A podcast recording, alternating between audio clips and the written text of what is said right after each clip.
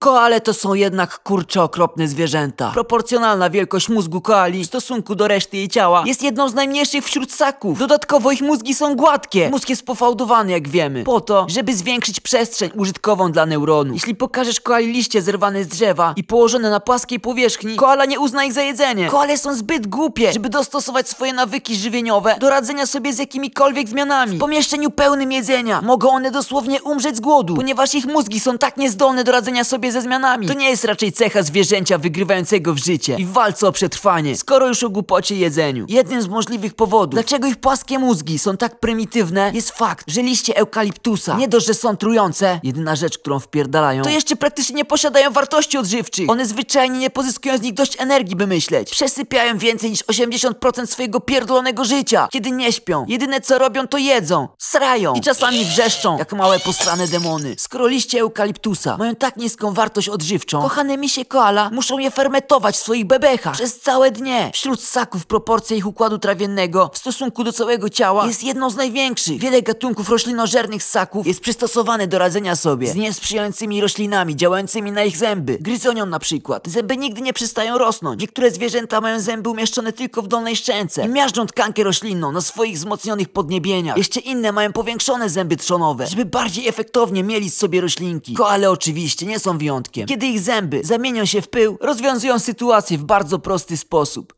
Po prostu zdychają z głodu, ponieważ są absolutnie beznadziejnymi zwierzętami. Jako ssaki koale karmią swoje młode oczywiście mlekiem. Warto zaznaczyć, że wśród ssaków dają najmniej mleka w stosunku do wielkości ciała. Kiedy młode musi przejść z bogatego i pożywnego pokarmu, jakim jest mleko na liście eukaliptusa, rośliny, która wyraźnie daje znać, że nie chce być jedzona. Okazuje się, że nie jest to do tego w ogóle przystosowane, ponieważ nie ma w swoich jelitach flory bakteryjnej, niezbędnej do strawienia tego badziewia. Rozwiązanie? Młode zaczyna całkiem dosłownie polegać na dupie swojej matki, która musi wystrać trochę mniej strawionego eukaliptusa. Później sobie to ze smakiem sączy. Dzięki temu może zacząć przystosowywać swój układ trawienny do tej wspaniałej diety. Oczywiście młode mogły też łyknąć trochę sików, bo jego matka najpewniej nie trzyma odpowiednio moczu. Czemu? Bo prawdopodobnie cierpi na jakąś chorobę weneryczną. Podobnie jak reszta tych zwierząt. Na niektórych obszarach zachorowania to jakieś 80% i więcej. Bo widzicie, jedną z aktywności, na jakie koale poświęcają swoją cenną energię, są gwałty. Mimo iż koale rozmnażają się sezonowo, samce albo nie wiedzą, albo mają to totalnie w dupie i po prostu gwałcą samice niezależnie od tego, czy akurat jest w cyklu. Jeśli samicy przyjdzie do płaskiego mózgu się bronić, samiec może zachcieć zrzucić ją z drzewa.